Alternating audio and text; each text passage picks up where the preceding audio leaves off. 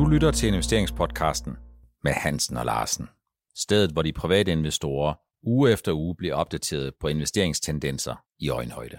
Velkommen til afsnit 121 af investeringspodcast med Hans og Larsen. Vi har en del programmet i dag. Vi skal snakke sige. lidt om SAS' nødlanding, om Bavarian Nordics opdatering på abekopper, øh, og så drejer det sig mest i dag omkring, hvorvidt aktiebunden, den aktiebund, som på indeksniveau kom i maj måned, om den stadigvæk holder. Jeg vil godt lægge ud, Helge, og så vil jeg sige, jeg tror, aktiebunden holder. Hvad siger du? Det har du argumenteret rigtig, rigtig godt for. Jeg vil stadigvæk øh, ja, øh, beholde øh, det mit synspunkt, at vi kan godt få et, et volatilt øh, eller en fremgang. Øh, nej, vi kan godt få noget volatilitet fremover, og jeg tror også, vi muligvis skal komme med benen ned. Det, er, det kan være nogle af de ting, der sker i Ukraine, som kan blive så voldsomme, så det er det, der udløser det primært. Og så må jeg sige, at vi har jo også en situation med nogle meget, meget stigende oliepriser, og det kan jo også sam, samspille med noget andet, for der kan ske i krigen der give os et ben nedad. Men selv alle de andre argumenter, du har fremført, og dem kommer vi nok til at høre lidt mere om lige her, øh, det, øh, det, de ser valid ud. Jeg udelukker jo ikke, at vi kan få en gentest af de, tidlige, af de tidligere laveste niveauer. Det betyder ikke, at alle aktier, samtlige aktier, ikke kan opleve yderligere kursfald og fald under det niveau, som de allerede har set som de laveste i 2022. Det betyder bare, at jeg tror, at investoren jo sædvanen tro kravler på bekymringens væg. Det er noget af det, som jeg har skrevet ind på Nordnet-bloggen om øh, nogle af de argumenter, som vi også skal igennem i dag, hvorfor jeg tror, at alle de fortrædeligheder, Ukraine, inflation, renter, centralbanker, som ikke hjælper, og rigtig mange andre ting, jamen det er jo de markader, de dymo-markader, man kan sætte på, for alle dem, der kan huske tilbage til den tid, hvor man kunne printe sådan nogle labels. Det er øh, de markader, man sætter på, på den aktiemarkedsusikkerhed, den økonomiske usikkerhed, der er, men jeg vil bare minde om endnu en gang, at aktiemarkedet, det er altså en meget flydende størrelse. Det er en meget variabel størrelse, og investorerne sidder jo ikke og venter. Investorerne, de forsøger hele tiden at være 3, 6 eller samtidig flere måneder foran, hvor den virkelige økonomi øh, er.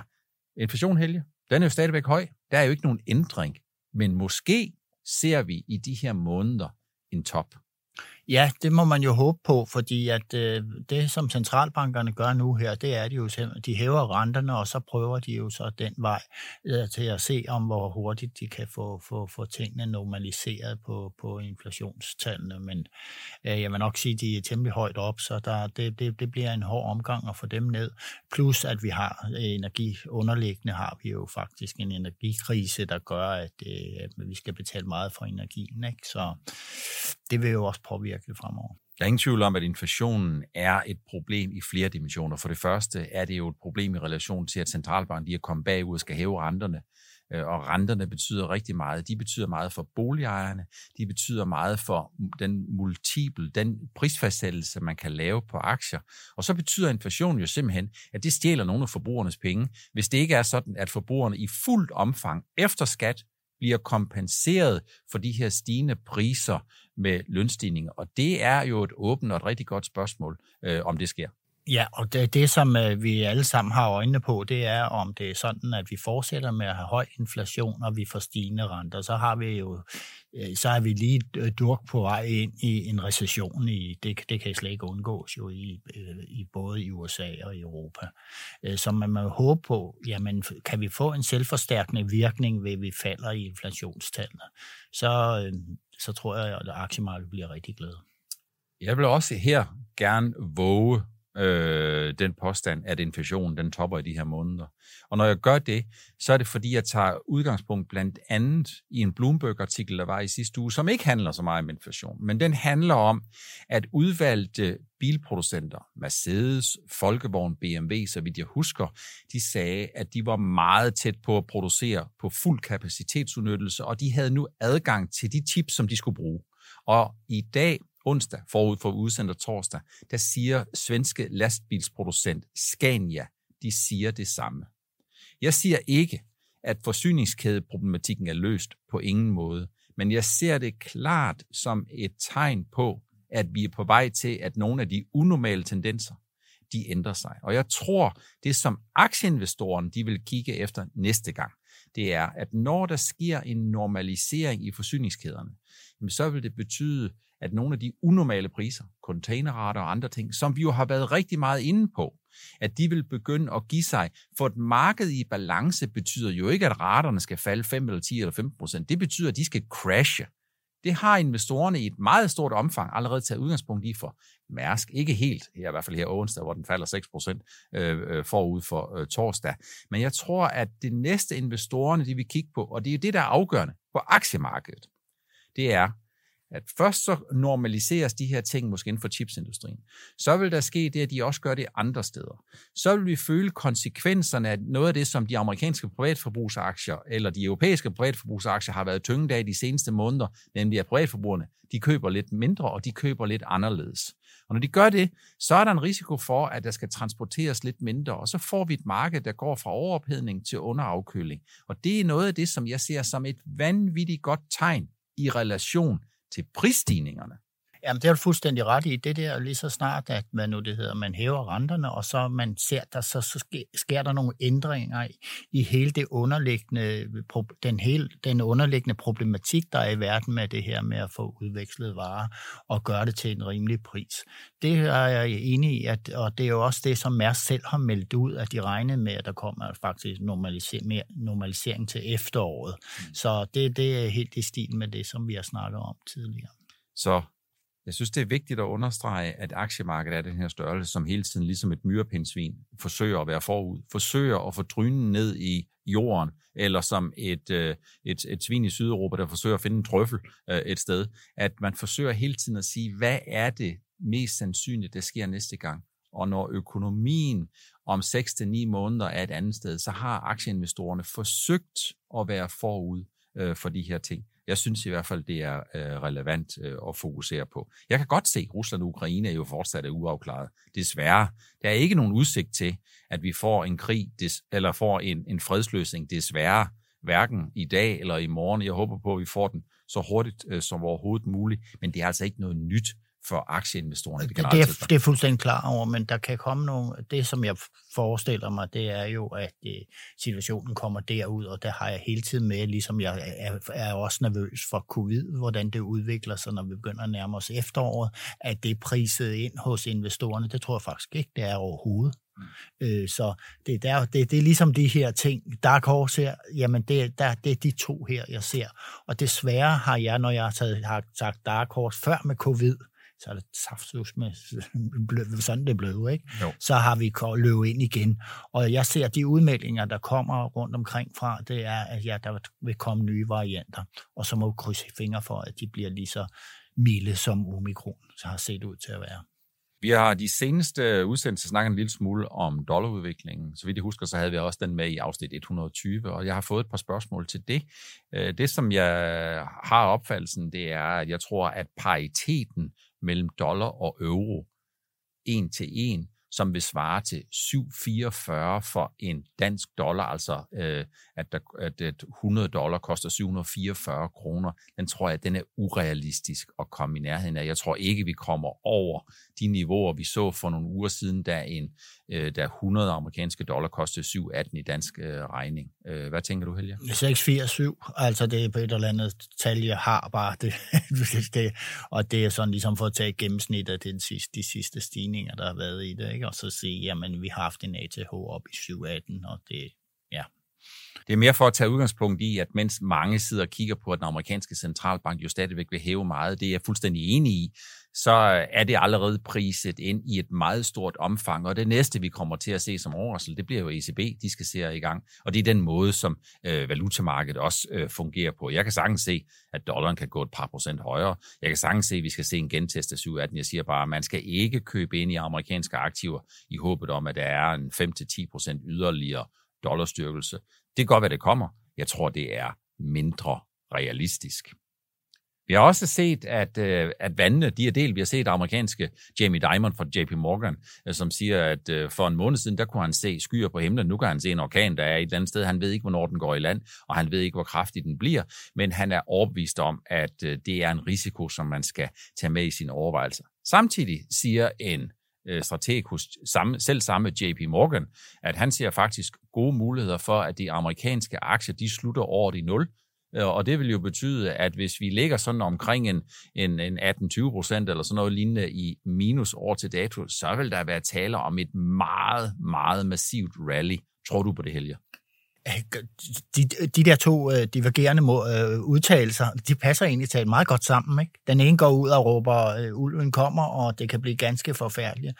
Og det, øh, det, det, vi skal tænke på med JP Morgan, det er jo et finanshus af kæmpe stor størrelse, og de er altså man kan jo sige, at de er springfyldt af alle mulige kunstige instrumenter øh, inden for, for, for, for handel med, med alt muligt. Øh, og så har de jo selvfølgelig også hele den der aktiedel og alt muligt andet, men øh, og så har, altså, de, han skal male det sort, fordi, øh, for, central, for ligesom måske at have et håb om, at der er nogen, der sidder med centralbanker, altså i centralbankerne og lytter til det her. Ikke? Øh, så ja, hvis jeg, altså, jeg vil da håbe, jeg vil da håbe, at han har ret. Jeg, jeg, det, det vil jeg bare sige, det tror jeg ikke meget på. Øh, en af udfordringerne, som vi har i den her ligning, det er, at der vil der være tale om, at aktierne, hvis de er faldet 20 procent, så skal de jo stige 25 for at komme tilbage til ja, udgangspunktet. Ja, det, det vil være meget vildt. Ja. Den anden, det er, forudsætningerne for, at vi kommer tilbage, tror jeg, det skal være en massiv deceleration i inflationsforventningerne. Det skal være, at investorerne begynder at indprise, at efter at Fed har hævet en hel del gange, så får vi ingen kurvestejling. Det vil sige, at vi får faktisk ikke kun en kurvefladning, men vi får måske en invers rentestruktur, som gør, at investorerne begynder at indprise, at Fed i slutningen af 2022 og ind i 2023 vil begynde at sænke renterne igen for at undgå at afbøde effekterne og virkningerne af en amerikansk recession. Og det er altså ikke, jeg håber, at det kunne være sådan et scenarie. Jeg mener, det er meget urealistisk. Ja, det er det, fordi der er for mange skævheder i, i, i system, de økonomiske systemer til, at det kan nå at rette sig op så hurtigt. Det tror jeg heller, heller ikke, det kan. Så lad os bare slå det fast, Helge. Vi kunne håbe det, men øh, vi er også nødt til at sige, at det, det er øh, mindre realistisk, eller måske decideret urealistisk. Lad os så øh, blive konfronteret med det på et senere tidspunkt i løbet af 2022, og vi tog fejl, så vil jeg være glad for at indrømme det. Et af de selskaber, som skaber mange overskrifter, bliver ved med at skabe mange overskrifter, det er SAS.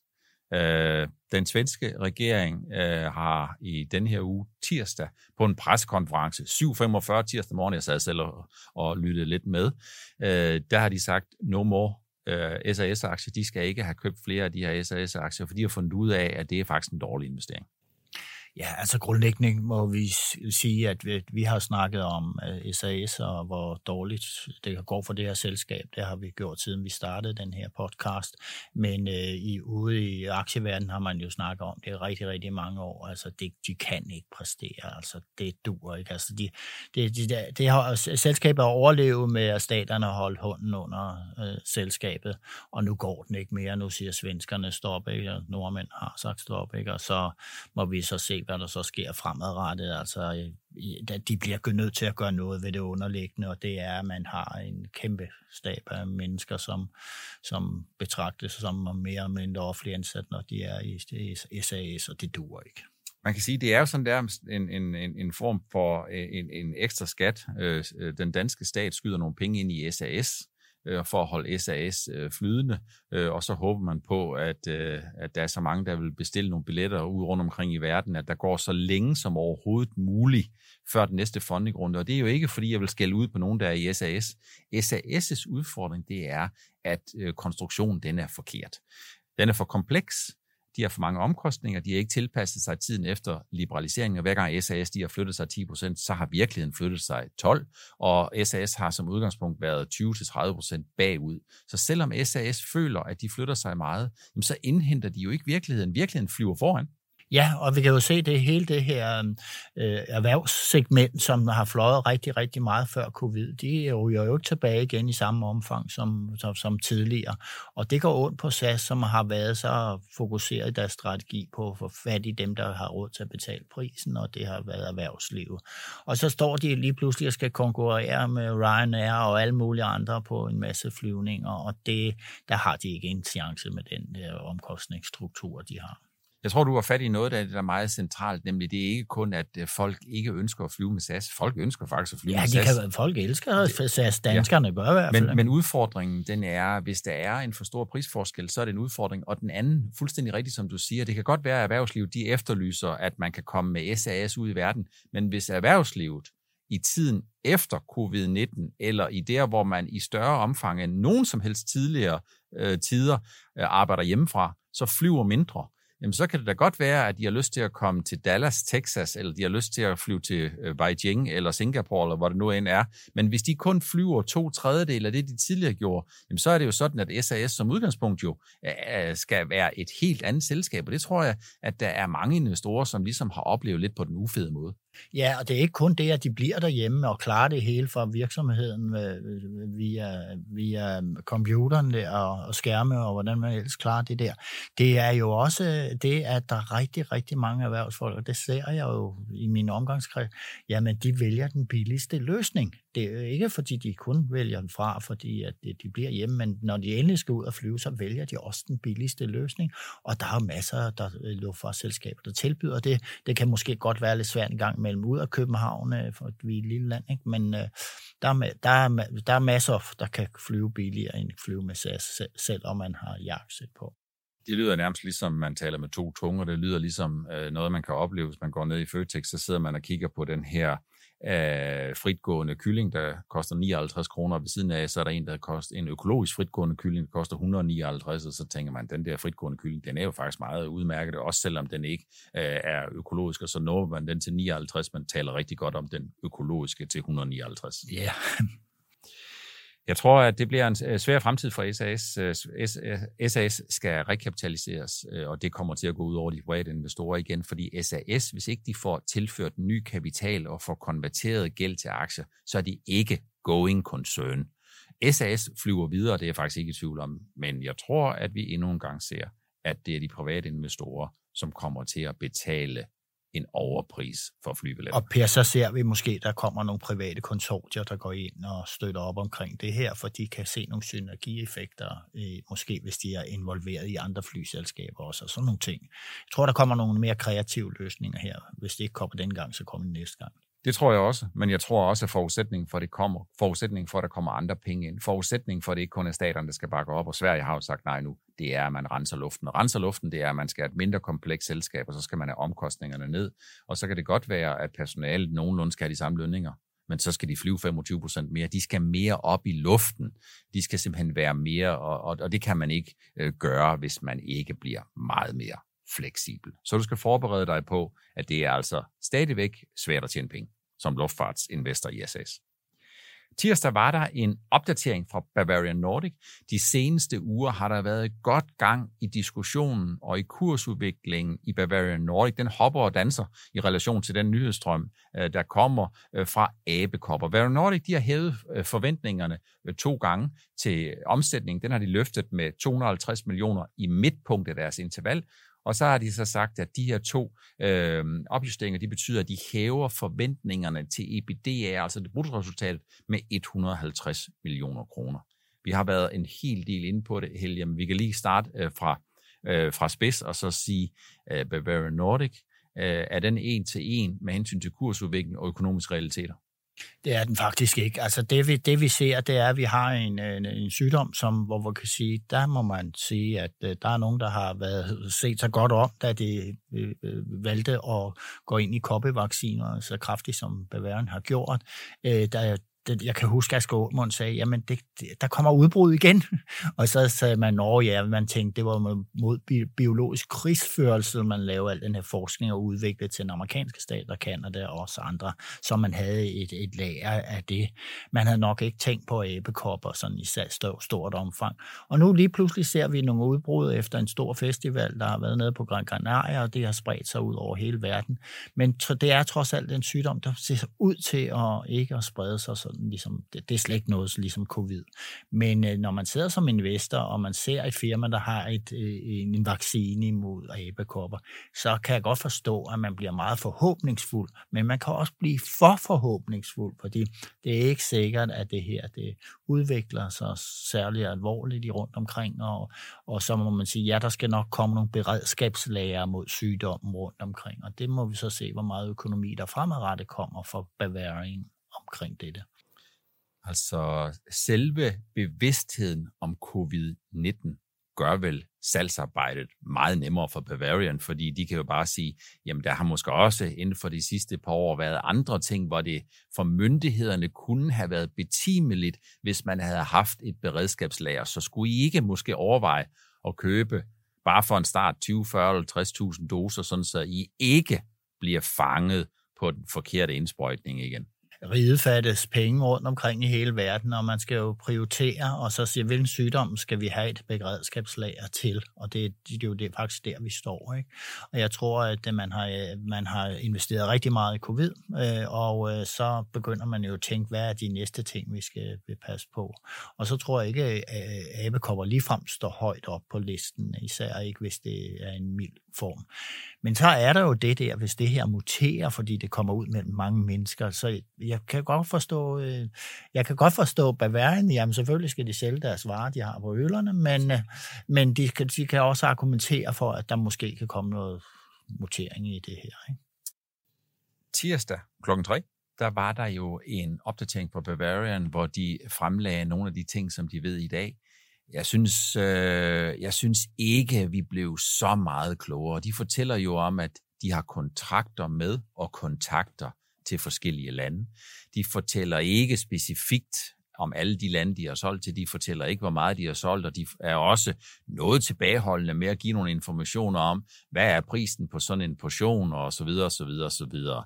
Så Helle, jeg synes ikke, at vi blev ret meget klogere, fordi alle de spørgsmål, vi sad tilbage med, dem et, så kunne Bavaria Nordic ikke svare på dem, eller også så var de ikke så vilde med at give de her segmentoplysninger fra sig. Ja, jeg vil nok sige, at, at i en situation, hvor vi trods alt har nogle konkurrenter rundt omkring øh, i verden, ud over det, Bavarian kan tilbyde her, så vil jeg også være meget, meget forsigtig med, med, med de her segmentoplysninger. Så det, det er egentlig taget fint nok. Øhm, det var en, det er en generel oplysning omkring øh, øh tilstanden i for øjeblikket, og hvad, hvad man egentlig taget forventede sig. Men øh, ja, du har ret, det var ikke, øh, vi blev ikke meget klogere af det. Så bare lige for at stille en lille smule skarp på det.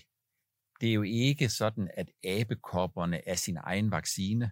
Det er vel koppevaccinen, ja som bliver brugt også til abekopper. Den er vel ikke godkendt i Europa til abekopper, men man håber på at få godkendelsen til at bruge koppevaccinen mod abekopper. Ja, det er vel også sådan, jeg har forstået det, og så, øh, ja, men det er sådan. Så man kan sige, der er ingen tvivl om for mig, at øh, det her, det kan godt være alvorligt, men risikoen for at få sygdommen, kombineret med dødeligheden for sygdom på vores breddegrader, den er enten moderat eller lav. Og det er uanset om vi lige har været igennem covid-19 eller ej, men så er det et udtryk for, at det her det er jo næppe noget, hvor investorerne de skal sætte næsen op efter, at der bliver solgt 2, 4, 8 eller 15 millioner vacciner, som bare til nærmelsesvis kommer i nærheden af noget af det, man snakker om i covid-19, for at sætte tingene lidt i kontekst. Det er fuldstændig rigtigt, og jeg kan jo se, at der er rigtig mange, der har store forhåbninger til det. Jeg kan se, at ProInvestor, det er jo blevet et Bavarian Community lige for øjeblikket, både på Facebook og på vores webside. Og øh, jeg må sige, at der er rigtig mange, der går op og siger, at nu er der kommet 75 øh, tilfælde øh, og der var 40 i sidste uge, og sådan, og jeg sidder og tænker, ja, nu, hvornår startede forløbet, og sådan, altså umiddelbart så ligner det ikke noget, der kan komme, så man kommer op og sælge det antal, som du nævner der. Kan man forestille sig, Helge, på den positive måde, nu snakker jeg ikke så meget om, om sygdomme med abekopper eller andre ting, men kan man forestille sig, vi har tidligere været inde på det, at Bavarian Nordic kommer på radaren på nogen, som tænker, om Bavarian Nordic måske passer godt ind i et andet ejerskab, eller sagt på en anden måde. Kan man forestille sig, at den her opmærksomhed omkring vacciner, det er jo der, hvor Bavarian Nordic arbejder hårdt, forsøger at blive mindre binær, mindre 0-1 på forskning, men blive mere og koncentrere deres ressourcer inden for noget af det, som de ved meget om, og hvor risikoen for, at de ikke lykkes med det, den er mindre, at Bavaria Nordic bliver et opkøbsmål. Øh, ja, det jeg har hele tiden mailet, og det har jeg gjort lige siden jeg startede. For, øh, for eksempel, da jeg startede inden Millionærklubben, så sad jeg jo altid med Lars Svendsen og fik kappet lidt om, at, hvornår det her selskab blev købt op. For det, det lå med en lav market cap, synes vi, og de har jo en fantastisk teknologi og så videre. Øh, og jeg mener, det, jeg mener stadigvæk, det er et opkøbsmål. Og det, der sker med den her æbekoppe, det her, det er, hvis jeg ser, tager min marketing briller på, så er det jo fantastisk godt signal ud i verden, at jamen, her har vi et dansk firma, som ud af det blå kommer op og siger, jamen her har vi en koppevaccine, som dækker abekopper også, og så, øh, så, så kommer øh, øh, selskabet ind på nethen rundt omkring i verden. Og der kan godt sagtens sidde nogle farmaselskaber derude, som tænker, jamen det er måske nu, vi skal slå til. Og det er den, den, den der, uden at jeg skal anbefale, at man køber aktien for det, så vil jeg sige, det er grunden til, at jeg har haft et frimærke i selskabet i mange år. Så man kan sige, enten så kunne det være en allerede stor vaccineproducent, Moderna eller nogle andre ting, eller også så kan det være et stort medicinalselskab, som tænker, det her passer godt ind i vores portefølje. Så har vi også det her, og man må sige, i det øjeblik, hvor man sælger vacciner, så er vacciner, det er jo sådan et relativt stabilt forretningsområde, relativt, fordi hvis vi kigger på nogle af de vacciner, som Bavaria Nordic købte fra GSK, og hvor de lavede jo en kapitaludvidelse på en 3 milliarder eller 2,8 milliarder eller noget af den stil for lidt mere end to år siden, jamen de bliver jo også ramt, når det er sådan, hele verden lukker ned. Så er der nogle vacciner, de ikke får solgt, men under forudsætning af, at vi har et mindre unormalt eller mere normalt samfund, jamen så er vacciner, det er jo en relativt stabil forretning.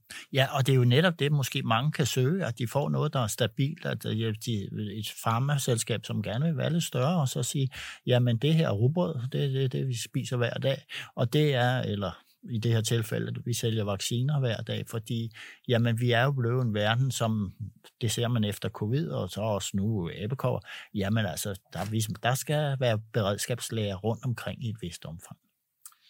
Det var det, vi havde valgt at tage med i afsnit 121 af Hansen og Larsen rundt om SAS' nødlanding, om opdateringen fra Bavarian Nordic på abekopper, og ikke mindst om, hvorvidt den aktiebund, som vi indtil videre så, er i øh, maj måned, om den også viser sig at holde, og om der er muligheder for, at vi kan indhente lidt noget, eller hele det aktietab, vi har oplevet indtil videre i 2022. Jeg tror, øh, hvis jeg ligesom skal høre dig, Helge, det lyder mindre realistisk desværre, men håbet er jo selvfølgelig altid lysegrønt. Tak fordi I fulgte med. Vi ses igen i næste uges afsnit 122 af Investeringspodcasten med Hansen og Larsen. Du lyttede til investeringspodcasten med Hansen og Larsen. Vi ses igen i næste uge.